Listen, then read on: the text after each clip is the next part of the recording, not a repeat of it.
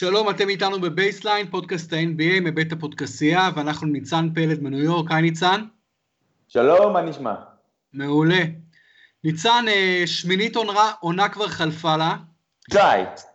כן, כמעט אה, עשרה משחקים, באמת כמעט. אז זה ממש מהר. משהו, ש... משהו שמפתיע אותך בתחילת העונה? אה, תלוי כמה נגטיבי אתה רוצה שאני אהיה. לך על זה. מפתיע אותי כמה, נו, תשמע, זה, הפודקאסט הזה הוא למאזיני NBA, לחובבי NBA, ואני לא בן אדם כזה, אבל מפתיע אותי כמה שהליגה הזאת, אני אשתמש במונח שנהיה שגור בתקשורת הספורט בישראל בחמש שנים האחרונות, כמה הליגה הזאת נהייתה פח. פשוט פח. עכשיו, יכול להיות שאני מדבר מתוך הניסיון של ללכת לשני משחקים של הנץ, יום אחרי יום. שאולי זה משהו שלא צריך לעשות אם אתה באמת אוהב את ה-NBA. אבל שבוע שעבר ראיתי אותם נגד גולדן סטייט בבית, וערב אחר כך בגרדן, בדרבי. ו... אה, תשמע, זה פשוט שפל חדש של אנרגיות ירודות וחוסר אכפתיות ואפס אינטנסיביות, ופשוט תחושה של אימון לקראת משחק אולסטאר מינוס הכוכבים. או בסדר, כשגולדן סטייט היו אז היו גם הכוכבים. אבל פשוט כולם משחקים כאילו זה עדיין ליגת קיץ. כאילו יושבים ביציע סקאוטים שהדבר היחיד שאכפת להם זה מאיך אתה מריץ את ה pick and roll או מכמה רחוק אתה זורק את הכדור. אף אחד לא hustle, אף אחד לא מתאבד על כדורים, אף אחד לא מזנק לרצפה, אף אחד לא עושה box out. box, ב... לא יודע אם דיברנו על זה, box out זה זהו, אין יותר כזה דבר ב-NBA, אף אחד לא עושה box out יותר, אין צורך. אף אחד לא הולך לריבאונד התקפה. הרחבות הן, הן פשוט טיילת לכל חצי גארד חצי מהיר. עוברים את החצי, מעיפים שלשה, זה פשוט ולא קולעים אותם באחוזים מטורפים, כן? בואו רק נסתכל על הנתון. זה לא שהליגה קולעת יותר טוב שלשות מפעם, קולעת בערך סביב 35-36 אחוז כבר 20 שנה, פחות או יותר. זורקים הרבה יותר, אבל גם זורקים הרבה יותר שלשות חופשיות. פשוט, שלא לדבר על זה שהקהל, כן? זה כבר מאז ומעולם בעיה של ה-NBA. הקהל, או של ספורט מקצועני אמריקאי באופן כללי, הקהל כל כך לא, לא אכפת לו עם מה שקורה על הפרקט, שזה פשוט הייתה חוויה ערב אחרי ערב לראות את הנץ. שוב, משחק אחד נגד גולדן סטייט, הקבוצה הכי טובה מלהיבה בליגה, משחק שני בגארדן, the most famous arena in the world. פשוט אמרתי לעצמי, אני, אם לא נותנים לי כרטיסים חינם, אני לא מוציא כסף על לראות ה-NBA יותר עוד פעם. אה, נגטיבי מספיק? כן. איתרע מזלך באמת לגור במקום שקרוב לנץ וקרוב לניקס. תשמע, פה בארץ מראים כל לילה משחק, שניים, לפעמים שלושה אפילו, אבל אני יודע שאם נגיד יראו משחק של ניו ג'רזי, אז אין לי, אין לי כיף לראות את זה, אתה מבין? זה כאילו הכי מבאס כן. מבחינתי. מבחינתי זה אחת הקבוצות, למרות שהמאזן שלה בינתיים הוא 4-6, הוא סביר, כן. אבל מבחינתי זה אחת הקבוצות שפחות בא לי לראות, והניקס בוודאי. אז באמת, אתה לא גר, אתה לא גר בטורונטו או במילווקי. תודה רבה, אגב, תודה לאל שאני לא גר בטורונטו או מילווקי, כן. או בדנבר. כן, זו עיר לא רעה דווקא. או בפורטלנד, או כן. בביי אריה, ששם היית רואה כן. כדורסל יותר, יותר מעניין בטוח ויותר איכותי. ובאמת אה, לא כיף, אני חושב, ללכת לראות את, אה, את ניו ג'רזי יותר מדי, בטח גם לא את הניקס, זה באמת קצת באסה למי שגר באזור שלך. המאוד מאוכלס כמובן, ועם הרבה אטרקציות אחרות כן. בחיים. אבל תגיד, ניצן, יש תחושה שהסקורינג עולה בליגה ושההגנות הופכות להיות פחות רלוונטיות? זה רק תחושה או זה גם מגובה בנתונים? זה קל מאוד להראות, זה, זה לא תחושה, זאת אומרת, זה לא רק תחושה בכלל. קודם כל, בנקודות ממוצע למשחק, אז בשנים האחרונות שהעלייה מתגברת כל הזמן, אוקיי? עכשיו זה משהו שאנחנו רואים בכל תחום בחיים בעידן המידע המיידי, כן? השינויים, לא רק שהשינויים מתרחשים, אלא קצב השינויים מתגבר, כן? זאת אומרת, פעם, בכל תחום בחיים, טכנולוגיה, היה לוקח פעם לקח אלף שנה בין פיתוח לגדול לפיתוח גדול, היום יש, לא יודע, שנתיים בין פיתוח גדול לפיתוח גדול.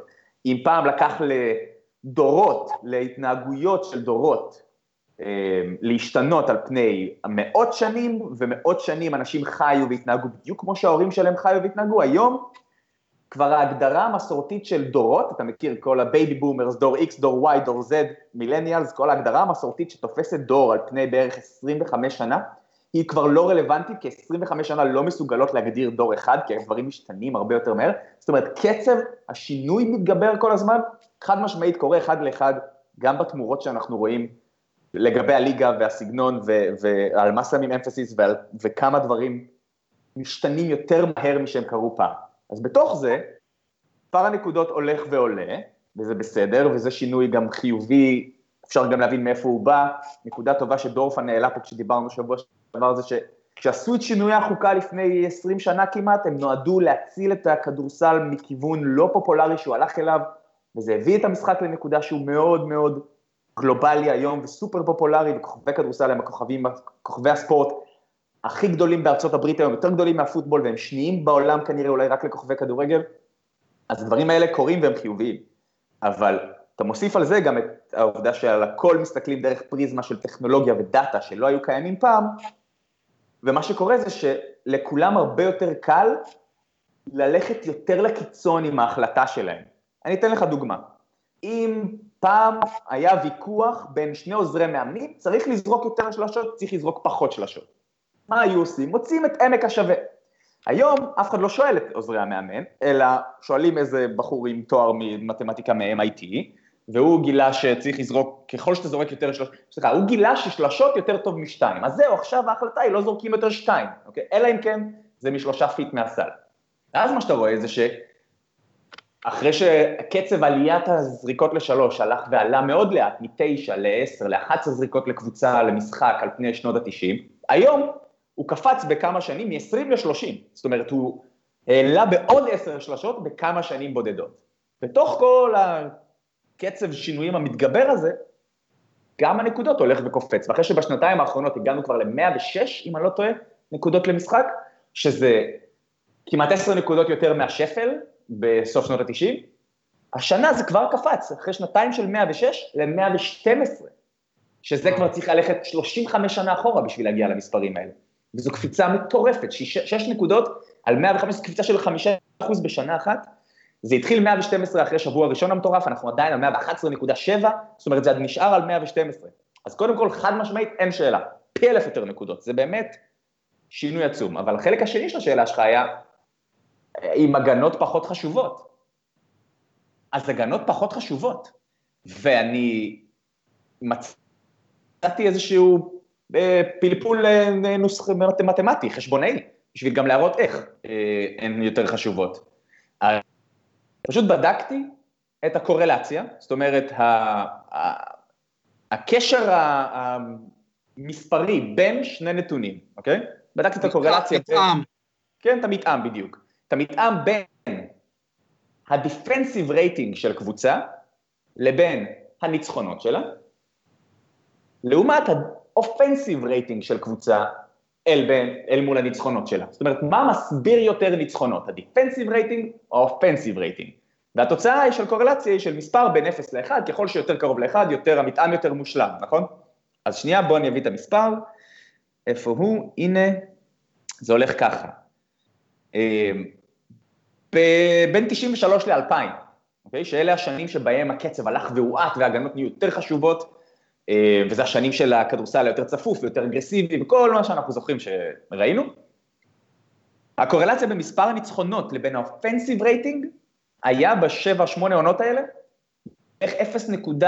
לא בערך, 0.797, 0.8, זה מתאם מאוד גבוה בין מספר הניצחונות לבין ה offensive rating, אוקיי? זאת אומרת, התקפה הייתה מאוד חשובה. הקורלציה בין מספר הניצחונות לבין ה defensive rating היה, surprise surprise, בול אותו דבר. אם ההוא היה 079, ההוא היה 0789, זאת אומרת מאוד מאוד מאוד מאוד קרוב, זאת אומרת אין שום דרך לפי הנתון הזה להגיד זה יותר חשוב מההוא, שניהם קורלציה מאוד גבוהה למספר הניצחונות. כשאתה לוקח את החמש עונות האחרונות בתוך התקופה הזאת, זאת אומרת 96 עד 2000, ששם באמת כל הסיפור הזה של ההאטה בקצב הלך ונהיה ממש חמור, אז אתה רואה המספרים עוד יותר. אופנסיב, הקורלציה של אופנסיב היה 0.74, הקורלציה של דיפנסיב הייתה 0.8. זאת אומרת, דיפנסיב היה חשוב יותר.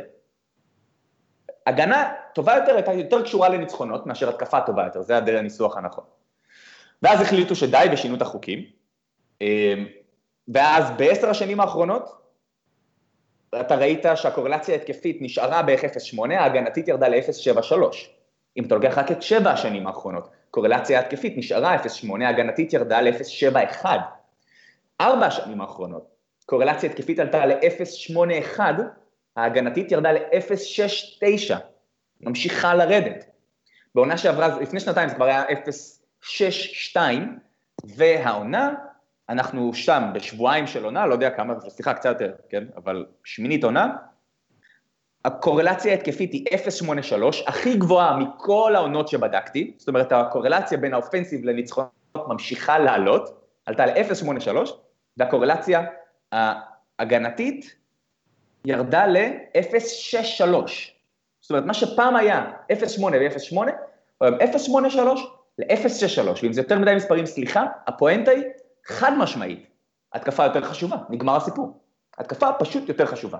ובגלל זה אנשים כמו ווסטבוק והרדן, ששומרים כשבא להם, או מזייפים בהגנה, יכולים להיות MVP. אם לפני 12 שנה סטיב נש נבחר ל-MVP, זו הייתה שערורייה כי הוא לא שיחק הגנה, כי הגנה הייתה מאוד חשובה, אז היה דיון. היום אם אתה נותן את ה-MVP לשחקן שלא שומר, אני אומר לך, זה בסדר מצידי. למה? כי הגנה לא חשובה יותר. היא חשובה הרבה פחות מהתקפה, אז אם מישהו הוא השחקן הכי טוב התקפית בליגה, והוא השחקן ה-150 הגנתית, זה לא נורא, כי התקפה חשובה יותר.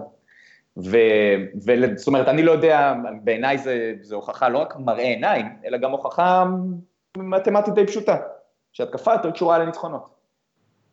ואז אתה רואה באמת אנשים לא האסל ולא נאבקים, ואני לא יודע אם אתה שמת לב גם, האופנסיב ריבאונד בליגה ירדו מאזור ה-14 לקבוצה לפני 20 שנה ל-10 לקבוצה עכשיו, וכבר היה לנו גם שנה שעברה פחות מ-10 או לפני שנתיים. אף אחד לא הולך לאופנסיב ריבאונד. תוסיף לזה זריקות עונשין. פעם היו כמעט 30 לקבוצה, לא שזריקות עונשין זה דבר טוב, אני גם מכיר את העמדה שלך לגבי שיפוט, זה רק אומר כמה המשחק היה יותר אגרסיבי. היו כמעט 30 לקבוצה למשחק, היום יש העונה קצת יותר, אבל גם במסגרת הסטייה הסטטיסטית ירדנו לאזור ה-23 זריקות למשחק לקבוצה, זאת אומרת ירדו מ-29 ל-23. כל הדברים האלה מורידים, מראים על ירידה באינטנסיביות, על עלייה בקצב, פשוט מה שאתה רואה במשחק NBA היום, חוץ מבאמת מעט מאוד קבוצות שנפגשות, רק שנפגשות אחת עם השנייה, כל מה שאתה רואה, אנשים רצים מצד לצד, זורקים שלשות, נגמר, זה מה שנהיה מהליגה הזאת. ואני אני ממש, מאז שהתחילה העונה הזאת, ראיתי משחק אחד אולי שהיה חצי נחמד, היה מילווקי בוסטון, קצת אינטנסיבי, היה גם צמוד בסוף. כל היתר, אני לא יכול עם זה יותר. אמ, תודה על המספרים המאלפים, באמת מספרים סופר מעניינים שמלמדים הרבה על מה שקורה בליגה ב-20 שנה האחרונות. אה, אני שאלתי את השאלה בלי להכיר את המספרים בכלל, רק בהתבסס על המשחקים שאני רואה העונה, ופשוט נראה לי שהאופנס פשוט הוא על ספידים, אתה יודע, הכמות נקודות, mm-hmm. וגם זה שבאמת אה, קבוצות מצליחות, גם כן לא משחקות הגנה, ועדיין הן מצליחות ומנצחות, אז באמת התחושה שהחלק ההגנתי, הקומפוננט ההגנתי במשחק הופך להיות פחות ופחות אה, חשוב. משהו שהוא למעשה לא משהו שאנחנו מורגלים בו כל כך בכדורסל, כי דיפנס mm-hmm. בכדורסל זה דבר uh, מאוד מאוד חשוב, אבל באמת הולך ופוחת uh, הדור. ותראה, כשאני רואה את המשחקים בגדול, אני רואה איזשהו כדורסל, קודם כל, כמו שאתה אומר, פלואו, פלואו מאוד מאוד מהיר, משחק שיחסית לא נעצר הרבה, למרות שהיו משחקים ש, שעוצרים על כל, אתה יודע, דווקא היו משחקים לפעמים שעצרו קצת יותר מדי, אבל תראה, נראה לך על השחקנים שהם יותר גדולים מאי פעם, יותר בנויים חזק מאי פעם, באיזשהו מובן יותר אתלטים מאי פעם, עם יד, עם יותר שחקנים עם יד טובה אולי מאי פעם, ככה אני מדבר איתך על התרשמות, mm-hmm. אבל איזשהו כדורסל שבסוף הוא גם רך מאוד, אה, והוא גם בעיקר אה, קרקס של זריקות שלוש שפשוט לא נגמר. אתמול אני רואה את אה, ברוק לופז, כן. מילווקי, הסנטר של מילווקי, מילווקי קבוצה עם מאזן 8-1, ו- וברוק לופז נגד סקרמנטו זורק תשע, כל הזריקות שלו מעבר לקשת, והוא מסיים 2 מ-9 מהשדה ו-2 מ-9 מ-3, כלומר הכל רק היו שלשות. עכשיו זה בעיניי כדורסל מגעיל, כדורסל רע. אבל אגב, ציינו שהוא סנטר, כן? והוא סנטר בדיוק, כן. אבל, אבל, אבל עצם זה שהוא עושה את זה, אומר קודם כל שמאמנו האיכותי מייק בודנהולזר נותן לו אור ירוק לזה, אולי אפילו מעודד אותו לזה. ומה שהוא עושה זה ברישיון, אתה מבין? הוא לא עושה את זה על דעת עצמו, את הדבר הזה. לא. ואני שואל באמת, לאן הכדורסל הולך? ברוק לופז, זה הולך ומקצין אצלו, הוא אף פעם לא היה ריבאונדר טוב, והוא הולך וזורק יותר ויותר שלשות בעונות האחרונות. העונה, הוא זורק שש שלשות למשחק, שש, הוא מוריד שלושה ריבאונד למשחק, סבבה? הוא זורק פי שתיים יותר שלשות משהוא מוריד ריבאונד. אתה מבין, אז הדבר הזה מטריד אותי, והאשמה במרכאות או לא במרכאות, זה לא, זה לא כל כך משנה, היא כמובן גולדן סטייט ווריורס עם הכדורסל הכל כך אה, פתוח ו- ומצליח שלה, וקבוצות אחרות עם שחקנים קצת פחות מוכשרים, עם קלעים פחות אבסולוטיים, סטף ו- ו- וקליי ודורנט, אז כמובן הקבוצות האלה גם פחות יצליחו, אבל הכדורסל באמת הולך לאיזשהו כיוון, ו- ולמרות זאת התחושה שלי לפחות היא שאנחנו לא רואים שחקנים יותר קטנים, אנחנו רואים דווקא שחקנים יותר גדולים. בטוח, אני אגיד לך מה אני חושב. קודם כל זה גם עניין שאנשים כל כך הרבה יותר, תשמע, זה הרבה תופעות ביחד, וכבר דיברו על זה לפני הרבה שנים עם הסיפור הזה של לברון ווייד, שאנשים חברים יותר אחד של השני, אבל תוסיף לזה גם את העובדה שכולם מעדיפים לעקוץ אחד את השני היום באינסטגרם מאשר על המגרש, אין אנמוסיטי, אין bad blood, אין... עכשיו, אנשים יבואו ויגידו, מה אתה מתגעגע לאנימוסיטי ולבד בלאד? אתה רוצה לראות מכות, תראה UFC. אני אומר, לא רוצה לראות מכות, רוצה לראות תחרות פיזית בין אנשים, ולא תחרות שלשות, שזה סיפור אחר. אין animosity, אין bad blood, אין intensity, אנשים לא לא נאבקים אחד בשני, זה הפך להיות, זה לא, זה לא contact sport יותר. זה, זה משחק של, של, של קצב ושל pace ושל ריווח, אמ, ואף אחד לא נותן את התחת, ואף אחד לא דוחף, ואף אחד לא נופל על הרצפה, ואף אחד לא הולך לכדורים, ואף אחד לא עושה box out, ואף אחד לא נאבק ברחבות, ואף אחד לא דוחף אף אחד, וכולם, כולם, כולם, בלי יוצא מן הכלל, מפחדים להיפצע, וכל קבוצה שיודעת שהיא תהיה בפלייאוף, שומרת על השחקנים שלה הרבה יותר, אתה לא רואה אף אחד שמשחק 40 דקות למשחק כמו שראינו פעם, כל קבוצה, השחקן הכי טוב שלה משחק 40 דקות למשחק, וכל הקבוצות שלא יודעות, יודעות שלא יהיו בפלייאוף, מכוונות כבר ל tanking, מה שאתה מקבל זה ליגה שמשני הקצוות שלה יש לך פה עשר קבוצות ופה עשר קבוצות שכל משחק מבחינתם הוא רק עוד ערב שצריך להעביר את הזמן עד הפלייאוף או הדראפט, וזה מחלחל בו אל השחקנים, שלא לדבר על זה שהאוהדים שותפים מלאים לחוסר האינטנסיביות הזאת, זה פשוט מייצר איזושהי תחושה שבשביל מה אנחנו משחקים את ה... רק מעבירים את הזמן, פשוט מעבירים את הזמן, עד הפלייאוף והדראפט, זה כל מה שחשוב, הפלייאוף והדראפט. כן, תראה, אמ, אני חושב שצדיק, אפילו שחקן כמו אנטוני דייוויס, אני רואה אותו לוקח המון המון זריקות מבחוץ, ופחות משחק את המשחק עם הגב לסל. הצדיק היחיד בסדום, ב-NBA של היום, שמשחק כמו סנטר אמיתי, למרות שיש לו גם יופי של skill בקליעה, זה ג'ואל אמביד.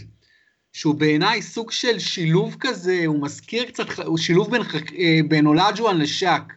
אני לא אומר שהוא טוב כמו אולג'ואן, כן. הוא טוב כמו שאק, אבל, אבל הוא שחקן כל כך מוכשר, ועם יכולות של סנטר אמיתי, וזה משהו כל כך נדיר היום בליגה, אתה מבין? שחקן כן. עם באמת גב לסל וסבסובים, ואתה יודע, ולשחק בצבע, אבל זה לא הכיוון שה-NBA הולכת אליו, זה ממש... תראה, אני אגיד לך גם, זה לא, בוא נגיד שאני בסדר עם זה שלא משחקים עם הגב לסל, אם הוכיחו שלשחק עם הגב לסל מייצר פחות נקודות, הכל בסדר. העניין הוא שיש איזשהו דיון, חבר גם שיתף אותי, בזה שיש אנשים שאולי פחות חיים את היום-יום של הליגה הזאת כבר 30 שנה, ואולי טיפה לפחות מודעים, ואולי הם כן רואים את מה שאתה ציינת, שהשחקנים כולם קולים טוב יותר וכולם אתלטים יותר, וזה נכון, כן? אי אפשר לי ממש להתווכח עם זה, כולם גדולים יותר, מהירים יותר, חזקים יותר, אתלטים יותר וקולים טוב יותר מאשר שהם היו לפני 20 או 30 שנה. ולכן יש אנשים שאולי חושבים שמה שאנחנו רואים היום זו איזושהי התפתחות טבעית של המשחק. ואיזושהי התפתחות של כן, כולם רק נהיים טובים יותר וחכמים יותר, ולכן כולם גבוהים יותר, מהירים יותר, חזקים יותר וקולים טוב יותר מרחוק, כי זה כדורסל יעיל יותר ונכון יותר. וזו עמדה שהלוואי, הלוואי, הלוואי, הלוואי והיא הייתה נכונה. הלוואי והמציאות הייתה שמה שאנחנו רואים היום זו התפתחות טבעית של המשחק. אבל זו לא התפתחות טבעית של המשחק, ואני אסביר למה אני מתכוון. לכדורסל שהומצא לפני 120 שנה ועם כמה חוקים בסיסיים שמאז הלכו וקצת, ואתה יודע, שוכללו, יש לו איזשהו טבע. נכון, כדורסל הוא לא דבר טבעי, כדורסל הוא דבר מהונדס, מלאכותי, שהמציאו, סבבה. זה לא לצוד חיה ולאכול אותה, זה לא דבר טבעי.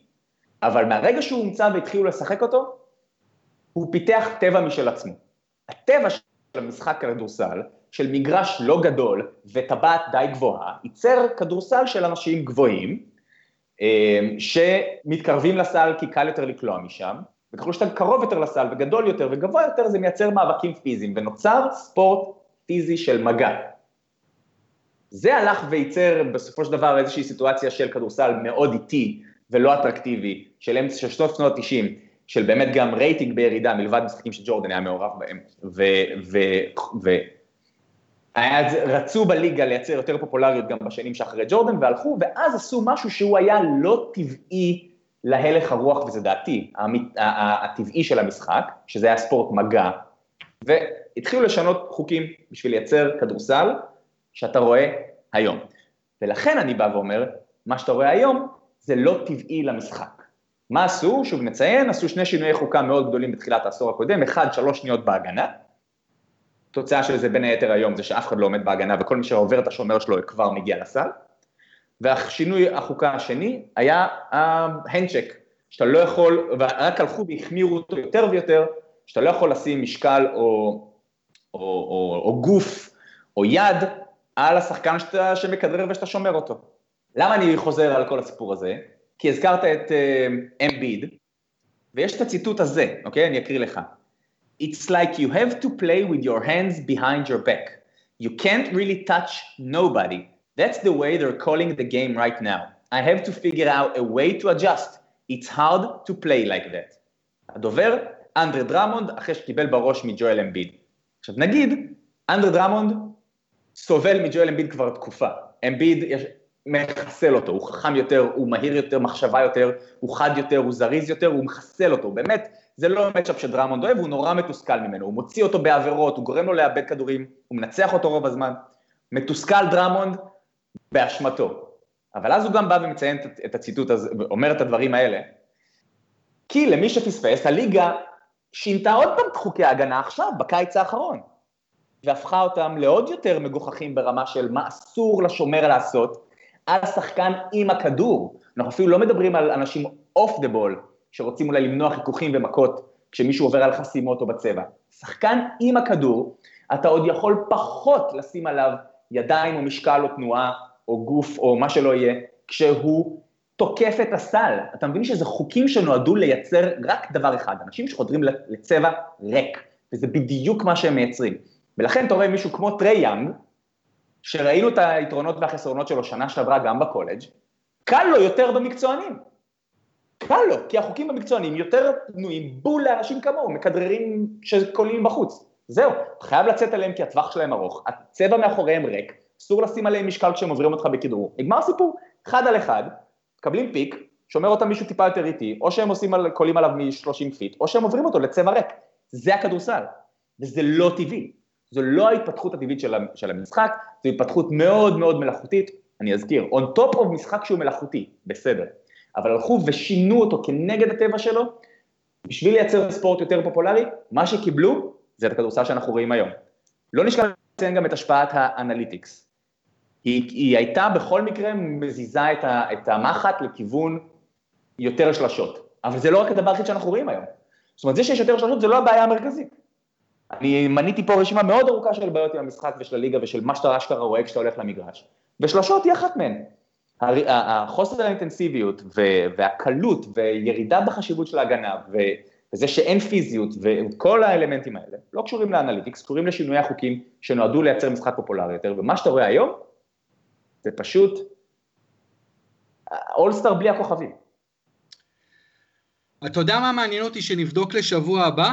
כן. את המתאם אה, בעונה הנוכחית, כולל המשחקים של השבוע הקרוב כמובן, את המתאם בין כמות השלשות שקבוצה זורקת להצלחה של אותה קבוצה, לאחוזי הניצחונות של אותה קבוצה. לא אחוזי השלשות, לא הדיוק שלה בשלושות, אלא כמות השלשות. כי אני רוצה לראות באמת אם, האנלי, אם קבוצה שלוקחת יותר שלשות, יש לה בהכרח יותר סיכוי לנצח, כי על פניו אני לא בטוח שזה המצב, אבל זה, זה, זה מחייב, כן. זה לא מחייב בדיקה. זה כן. מחייב בדיקה הדבר הזה, כי זאת השאלה הגדולה, לא אחוזי השלשות, כי ברור שקבוצה שקולט באחוזים יותר גבוהים יש לה יותר סיכוי לנצח, אבל, אבל האם קבוצות שלוקחות יותר שלשות גם משפרות את הסיכוי לניצחון? זאת שאלת האנליטיקס הבאמת משמעותית. כן, תראה, אה, זה מגיע לרמות ש... זה אפילו אומרים לך, ואומרים לך פרשנים חשובים, שאתה מעריך ממש, כן? אומרים, זה על שחקנים כמו יאניס או אה, דריימון גרין, אומרים, זה לא משנה אם הוא קולע משלוש או לא, שיזרוק. כן. You got to keep the defense honest, חייב לגרום להם לצאת אליך, וככה אתה מקבל יאניס העונה, עשרה אחוז לשלוש, קלה, עד עכשיו זריק שתיים מתשע עשרה, אבל זורק שתי שלשות למשחק, שזה... מעט. הוא זורק שתיים וחצי למשחק, שזה הכי הרבה בקריירה, שנה שעברה 1.9 ו-2.3 שנה קודם, זה עדיין הכי, הקצב הכי גבוה שלו, באחוז מאוד נמוך, עשרה וחצי אחוז. ברור שזה יתיישר בסוף לאזור ה-25-30, כמו שהוא קולע רוב הקריירה. אבל שוב, זה לא משנה. כן, וזה מעט יחסית למה שהוא אמור. אני אגיד. לך. משהו, כן. אני אגיד לך משהו שאני זוכר מגמר הפלייאוף בעונה שעברה, שהייתי, אתה יודע, מאוד מאוד היה חשוב, מאוד רציתי שקליבלנד תנצח, אני זוכר, אני, ש, שאמרתי, אוקיי, אני רוצה שקליבלנד תזרוק יותר שלשות מגולדן סטייט, וממש ספרתי אוקיי. כל המשחק, וכן גיליתי סוג של מתאם מסוים, שככל ש... אבל זה באמת sample size מאוד קטן, mm-hmm. אבל כן היה זכור לי, שקבוצה שלוקחת יותר שלשות, יש לה, היא מגדילה בקצת את הסיכוי שלה לנצח באותו משחק נתון, אבל זה משהו שבאמת מחייב בדיקה. אבל, אבל אני לא אתפלא אגב אם כן, אם התשובה היא חיובית, כי, כי הרי זה מה שה analytics אומר בסופו של דבר, אתה מבין? אומר תזרוק. תזרוק, תזרוק, תזרוק, זה, בסוף זה ישתלם לך, תזרוק. כן. אמ, אז זה מעניין דבר אחד. דבר שני שאנחנו חייבים לציין בהקשר הזה, זה באמת את השינוי חוק ש, שדיברת עליו, אבל לא הרחבת עליו, זה את ה-right of movement, את ה-off the ball. אלוהים אדירים, כן. את זה שבאמת... right of movement. אני יכול רק להגיד מילה על זה? שבארצות הברית... אני רק אסביר על זה בדיוק למי שמאזין, רק שיהיה בטוח שמבין, אז באמת שאסור אוף דה בול לגעת בשחקנים ש, שבאים לחסימה או יוצאים לחסימה, כי, כי אדם סילבר אמר, אנחנו רצינו לנקות את כל המגע off the ball. עוד משהו שכמובן עוזר להתקפה מאוד. כן, כן, כן, עוזר להתקפה. עכשיו, אני רק רוצה להגיד שזה כל כך ציני ואירוני אה, לקרוא בארצות הברית של טראמפ לקרוא לאיזשהו חוק right of movement.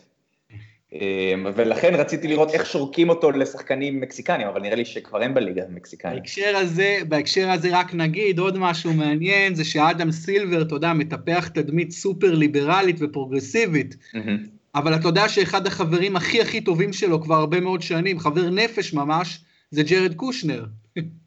וואלה. כן, כן. ג'רד קושנר ואיוונקה טראמפ, ג'רד קושנר... עושים פסח ביחד. כן, כן, הם חברים אישיים מאוד קרובים של, משפ... של אדם סילבר, הרבה מאוד שנים. Hmm. זה, זה עוד משהו ככה, אתה יודע, אה, מעניין בהקשר הזה. אז בכל מקרה, ניצן, אחרי שדיברנו על כל העניין הסגנוני והמהותי של המשחק, שזה בעצם הדבר הכי חשוב לדבר עליו, אני חושב, אז באמת אה, בינתיים בואו נסתכל בטבלאות ובאמת בואו נדבר טיפה טיפה על מגמות שאנחנו מעניינות אותנו. אז אם אני מסתכל במערב, אני רואה את הווריורס עם 9-1, לא מפתיע, אני רואה את דנבר עם 8-1, כן מרשים, אני רואה כן, את ה... יש פה, יש פה דארק הורס רציני מאוד כרגע למרוץ ל-MVP בדנבר. אה, עם יוקיץ'? כן. וואלה, אתה, אתה רואה אותו ממש כקנדידט MVP? כרגע? שמע, עם המאזן הזה, והוא השחקן הכי טוב והכי חשוב שלהם בשני צידי המגרש, אני חושב שאין שאלה. כן. זה, זה, אתה יודע, אם, אם צריך להצביע היום, הוא יקבל הרבה קולות. כן. Uh, ובמערב יש את פורטלנד שפתחה טוב, ולילרד גם כן בסוג של קמפיין MVP עד עכשיו לפחות. כן. ועוד משהו שמעניין במערב זה ההשתלבות המאוד מאוד חלקה ומוצלחת של דמאר דה רוזן, אחד השחקנים הכי אהובים עליי בליגה, בסן אנטוניו, אחת הסיבות שאני כל כך אוהב את דה רוזן, ניצן, זה בגלל שהוא כל כך old school, והוא מביא כדורסל של פעם. אה, וכדורסל כן. שבעיניי הוא גם מאוד מאוד יפה, אבל זה שאלה עניין של טעם, בעיניי הכדורסל שלו מאוד יפה. אה, במזרח, אנחנו רואים את טורונטו עם 9-1, שזה סופר מרשים אחרי שדה רוזן עזב, ואחרי שדוויין קייסי עזב.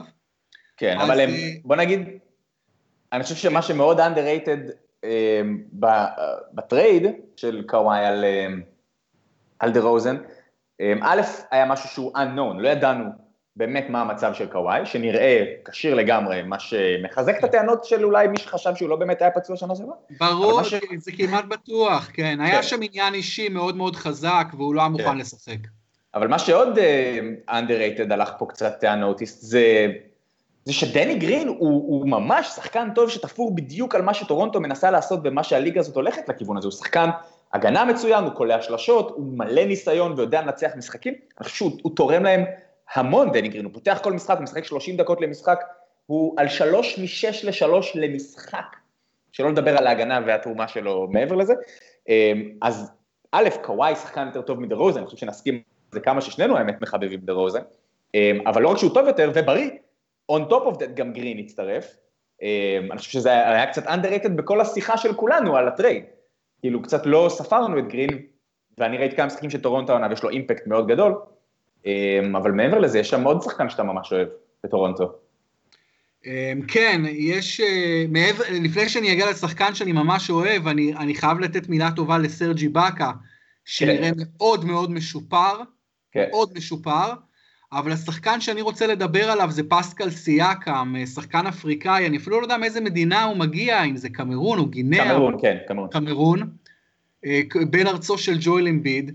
כן. אתה יודע, שחקן צעיר שאף אחד לא דיבר עליו בקולג', שהגיע כביכול בלי skills כמעט ל-NBA, mm-hmm. והוא עושה הכל על המגרש. הוא פשוט אתלט מטורף, רץ את המגרש הכי טוב ב-NBA, שומר נפלא, קולע לא רע בכלל. בואנה, כן, מסה יוג'ירי... התחיל גם להוריד כדור לרצפה. כן, כן, מסה, מסה יוג'ירי עשה, אין מה להגיד, הוא עשה עבודה נהדרת בטורונטו, כי הוא אוסף assets, הוא אוסף כן. שחקנים. הוא נבחר 27. כן, מדהים, מדהים, כן. לפני שנתיים-שלוש. כן, זו עונה שלישית שלו, וגם... ואני אומר לך שיש לו פוטנציאל להיות שחקן top 20, top 25 ב-NBA לפסקל סיאקאם. זה מעניין מאוד. אני ראיתי אותו העונה, קצת פתאום יוצא אליו שומר, הוא מוריד כדור, עושה איזה פייק וחודר. אה, זאת אומרת, skill של כדרור, שלא חשבתי בכלל שהוא אי פעם ינסה, לא רק שהוא יצליח, אתה יודע, בכלל הסתכלתי עליו כשחקן, אמרתי לעצמי, טוב, זה, זה לא הסגנון שהוא אמור לעשות. אני מניח שגם מגיע פה הרבה מאוד קרדיט, לא רק למי שבחר בדראפט, אלא לכל המערכת של טורונטו, שהולכת ונראית קצת בשנים האחרונות, קצת uh, מערכת בדמותם של בעיקר סן אנטוניו ו- ואינדיאנה שעשתה הרבה כאלה, אבל קבוצות שמסוגלות להשביח את השחקנים של עצמן. זו אמנות שכמעט מתה מה-NBA, בייחוד בעידן בו כולם חותמים על חוזים מאוד מאוד קצרים, ואתה, למה שתשקיע בלפתח שחקן שתוך שנתיים לא איתך? אז יש קבוצות שיש להן מערכת וארגון יותר יציבים ומסוגלים לייצר קצת יותר יציבות גם בסגל, אה, ותשמע, ההתפתחות שהוא עשה, ברור שמגיע טונות של קרדיט לבן אדם עצמו, אבל אין, אין ספק ש, שמישהו שם עושה משהו מאוד נכון בפיתוח שחקנים בטורונטו. אין ספק, אין ספק, ובאמת אה, השחקן הזה, אני ממליץ למי שעוד לא מכיר אותו טוב לעקוב אחריו, כי זה, זה חתיכת תופעה, פסקל סיאקם. באמת הגיע בחירה 27 מניו מקסיקו סטייט ב-2016, כן. והוא עושה פשוט התקדמות אדירה. אז אוקיי, טורונטו עם 9-1, מילווקי עם 8-1 תחת coach אה, באד, ויאניס, אה, איך אתה מתרשם בינתיים מיאניס? אתה, אתה חושב שהוא ממשיך להשתפר? אני לא, לא ראיתי איזושהי קפיצה שהוא עשה עונה לעומת uh, עונות קודמות. זאת אומרת, לא נגיד עונות קודמות, נגיד עונה שעברה. העונה שעברה, כן. כן, עונה שעברה. אמ, אני חושב שהקפיצה הבאה של יאניס תבוא, אמ, חוץ מעבר, ברור, לכולם מדברים על השלשות, הקפיצה הבאה של יאניס לא תבוא בעונה הסדירה. זה כבר, בוא נגיד שאת העונה הסדירה, he's mastered. אמ, אני זוכר את הדיבורים על לברון ג'יימס שהתחיל מעונה של 25-5 כרוקי, ואז עלה ל... אתה יודע, לאזור ה-27-7-7, ואחר כך לאזור ה-30-8-6, וכאילו הייתה תחושה שאם הוא רק ימשיך וירצה וישים על זה את הדגש, אנחנו נראה שחקן של, לא יודע, 40-10-10. וברור שלברון היה יכול, אם הוא היה רוצה, אם היה שם על זה כן, דגש. כן, התחושה כן. היא גם עם יאניס, שכאילו, גרף השיפור הסטטיסטי שלו משנה לשנה הוא כל כך מטורלל שאתה תוהה איפה זה ייעצר, וגם הוא התחיל את העונה הזאת עם איזה 16 ריבונד למשחק, הוא עדיין על 14 ריבונד למשחק אחרי שמונה משחקים, ושישה אסיסטים, ו-26 נקודות, אבל נראה לי שהקפיצה, אבל בסוף לברון גם לא הגיע ל-40-10-10, וגם הוא לא ימשיך הקפיצות המתמטיות המשוגעות האלה בכל קטגוריה כל שנה. אז אני חושב שהקפיצה הגדולה של יאניס תבוא מתצוגת פלייאוף גדולה ומרשימה שהוא סוחב קבוצה על פני סדרה או שתיים, אני חושב שהעונה זה יכול לקרות, אמ, זה לא, הוא לא, אתה יודע, זו עונה שישית שלו בליגה כבר, כן? הוא היה בפלייאוף כבר ארבע פעמים, אם אני לא טועה, לפחות שלוש. אמ, יש כבר, יש מספיק body of work בשביל ש... שנראה אותו סוחב קבוצה על פני סדרת אה, פלייאוף או שתיים, ואני חושב שזה יכול לקרות השנה. בין היתר כי בוסטון, שזה עוד נושא שרציתי לדבר עליו, לא נראית הכי טוב שהיא יכולה. כן. רק, רק מילה אחרונה על יאניס, אז יאניס אני חושב שהעניין הכי משמעותי זה אם הוא יעשה את הקפיצה בקליעה מרחוק ובשלשות. ואני רק תמה אם יאניס כל יום לוקח לפחות אלף זריקות מבחוץ, כי, כי חוץ מעניין הזריקה מבחוץ, הכדורסל שלו די מושלם, אז זה הדבר היחיד שהוא חייב לעבוד עליו ולשפר, אולי אפילו משמעותית, בטח ובטח גם לפלייאוף, שהכדורסל יותר מצופף ויותר קשה בכל מובן. אז זה לגבי יאניס. אז באמת בוסטון עם 6-3, פילי עם 6-5, אלה הקצת מאכזבות, פייסרס 7-3 עם אולדיפו. עם ניצחון יפה מאוד על בוסטון. כן, כן, כן, עם סל שלשה. אבל משהו לגבי בוסטון או לגבי פילי עם 6-5, משהו שם אתה מזהה כבעייתי בשתי הקבוצות האלה, כי אני חושב שבפילי הסיפור זה סימונס, ש... שבכ... או, או לא רק סימונס, מעבר, חוץ מאמביד, שאר השחקנים לא משחקים מספיק טוב. זה לא רק זה, אני חושב שעם פילדלפיה, וראינו את זה גם בשיחות ה under over ניצחונות לפני שהעונה התחילה, ואיפה הלכו ההימורים על פילדלפיה, הייתה תחושה שאני, אם אני הייתי שותף לה, אני ממש לא הייתי היחיד, שהם אה, לא יעשו עוד קפיצה גדולה מבחינת המאזן שלהם העונה בהשוואה למה שהם עשו שנה שעברה, בין היתר בעיקר לדעתי, כי הצוות המסייע שם אה, קצת נחלש, הם איבדו, תקן אותי אם אני טועה, את אה, בלינלי ואת איליאסובה, ועוד מישהו היה שם, שאני לא זוכר משנה שעברה. וטימותי קורבה הצרפתי, הצרפתי. עם השם הבלתי אפשרי, ש... שמשחק עכשיו, אני חושב, אולי ביוני. אה, אתה מתכוון לקברו? לואו קברו? כן, כן, כן, כן. אבל לדעתי היה שם עוד מישהו. היה, בטח, היה עוד בטח מישהו מהשחקני משנה, נכון. כן, בוא נראה. בקיצור, הייתה שם תחושה שהם ילכו קצת אני חשבתי שהם יישארו פחות או יותר באותו מאזן שהם השיגו שנה שעברה, שהם לא יעשו איזושהי קפיצה, הם ניצחו 52 שנה שעברה, אני לא אתפלא אם הם לא יגיעו ל-50 העונה, אז אותי מאזן של בערך 60-58 אחוזי ניצחונות לא מאוד מפתיע מה, מהזווית שלהם. לא, יש להם 265, 54.5 אחוז. כן, הם היו, כן. אבל מה אתה אומר לגבי בוסטון? אתה, אתה מזהה איזשהו מעצור בהתפתחות של טייטום ושל בראון? כי זאת השאלה הגדולה לגבי בוסטון. כן, בוסטון לדעתי זה עניין של... אה, בסוף מדובר בבעלי חיים, כן, בני אדם הם בעלי חיים ויש דרכים מאוד ספציפיות להניע אותם לפעולה, אה, וקבוצת כדורסל צריכה היררכיה. אה, ובבוסטון, כמה שנבנתה שם מערכת מאוד הרמונית ואולי שטוחה היררכית וכדורסל מאוד שיתופי, שבכלל השחקן שמוסר בו הכי הרבה זה הסנטר, כן. וזה, וזה בעיקר בהנד-אופים, וכמה שקיירי ארווינג הוכיח שנה שעברה שהוא יודע ואוהב לשחק קצת off the ball, והוא לא חייב את הכדור בידיים, והוא בא off screens, והוא הוא, הוא, he picks his spots, והוא מחליט מתי להשתלט על משחקים.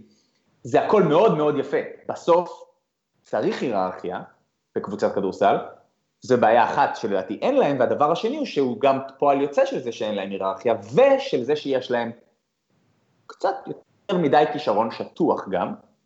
בסוף יש להם שמונה שחקנים, הם לא עמוקים כמו טורונטו, טורונטו היא 10 או 11 deep, בוסטון לא 10 או 11 deep, היא 8 אולי 9 deep, אבל אין פערים מאוד גדולים בין ה-1-2 ל-7-8 שלה, וזה מייצר תסכולים שאני רואה כשאני רואה אותם משחקים. תסכולים על דקות, תסכולים על זריקות, תסכולים על נגיעות. בראון לא מבין למה הוא משחק פחות מטייטום. אמ, רוז'יר יודע, חושב שמגיע לו 30 דקות ו-15 זריקות גם, והוא לא מבין למה הוא מקבל 28 זריקות, ואתה רואה כשהם לפעמים מקבלים כדורים בפוזיישנים מסוימים, הם קצת forcing it, כי הם מפחדים שאם לא יעשו איזושהי פעולה חיובית, אני לא יודע, אתה יודע, זה פסיכולוגיה רגילה של שחקנים, יורידו אותם לספסל, או שהם לא יקבלו עוד פעם את ההזדמנות לזרוק. אה, אני חושב שיש להם בעיה בהקשר הזה, אני חושב שאם אפשר היה במין, אה, לא יודע, בתיאוריה, באיזה משחק קלפים כזה, להמיר שני שחקנים שלהם בארבעה שחקנים פחות טובים, אבל של יותר עומק, זה היה הדבר הנכון לעשות מבחינת איך שהקבוצה הזאת צריכה להיות בנויה.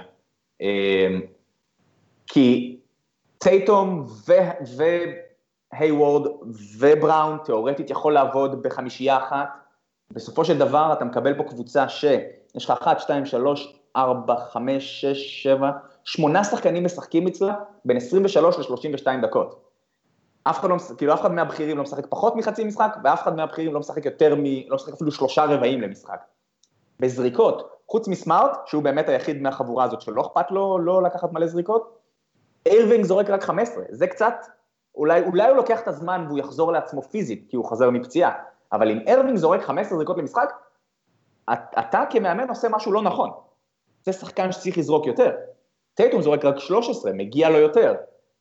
בראון זורק 11, מגיע לו יותר. היוורד זורק 10, גם הוא אולי חוזר לעצמו שחקן שצריך לקחת לך. אין מספיק זריקות ואין מספיק דקות לכל החבר'ה האלה. חושב שאם אפשר היה להמיר שניים מהם בקצת יותר entry level positions, כן? קצת אה, לה, להעמיק את הסגל ולרווח קצת את הנקודות של העומס כישרון, אני חושב שזה היה עדיף להם, בעיניי הבעיה שלהם היא בעיה של היררכיה. כן, זה מוזר שבאמת על פניו זה נראה שיש להם יותר מדי גארדים, למרות שהכיוון הכללי שהכדורסל הולך אליו זה כדורסל של שחקני חוץ, הרי, אתה יודע, זה הכדורסל העכשווי. אבל בבוסטון באמת אני מסכים איתך שיש שם איזשהו באג בקטע ההיררכי, ושנה שעברה שהיה ברור לכל שזו הייתה קבוצה של קיירי, המצב של בוסטון היה טוב יותר. נכון, עד שהוא נפצע, כן. ואז, כן. ואז רוז'יר תפס את המושכות, כן. ובסוף הפלייאוף בכלל טייטום. אתה צריך ראש, צריך ראש לדבר הזה. והם קצת שטוחים מדי. אני חושב שזה עלול להיות בעיה.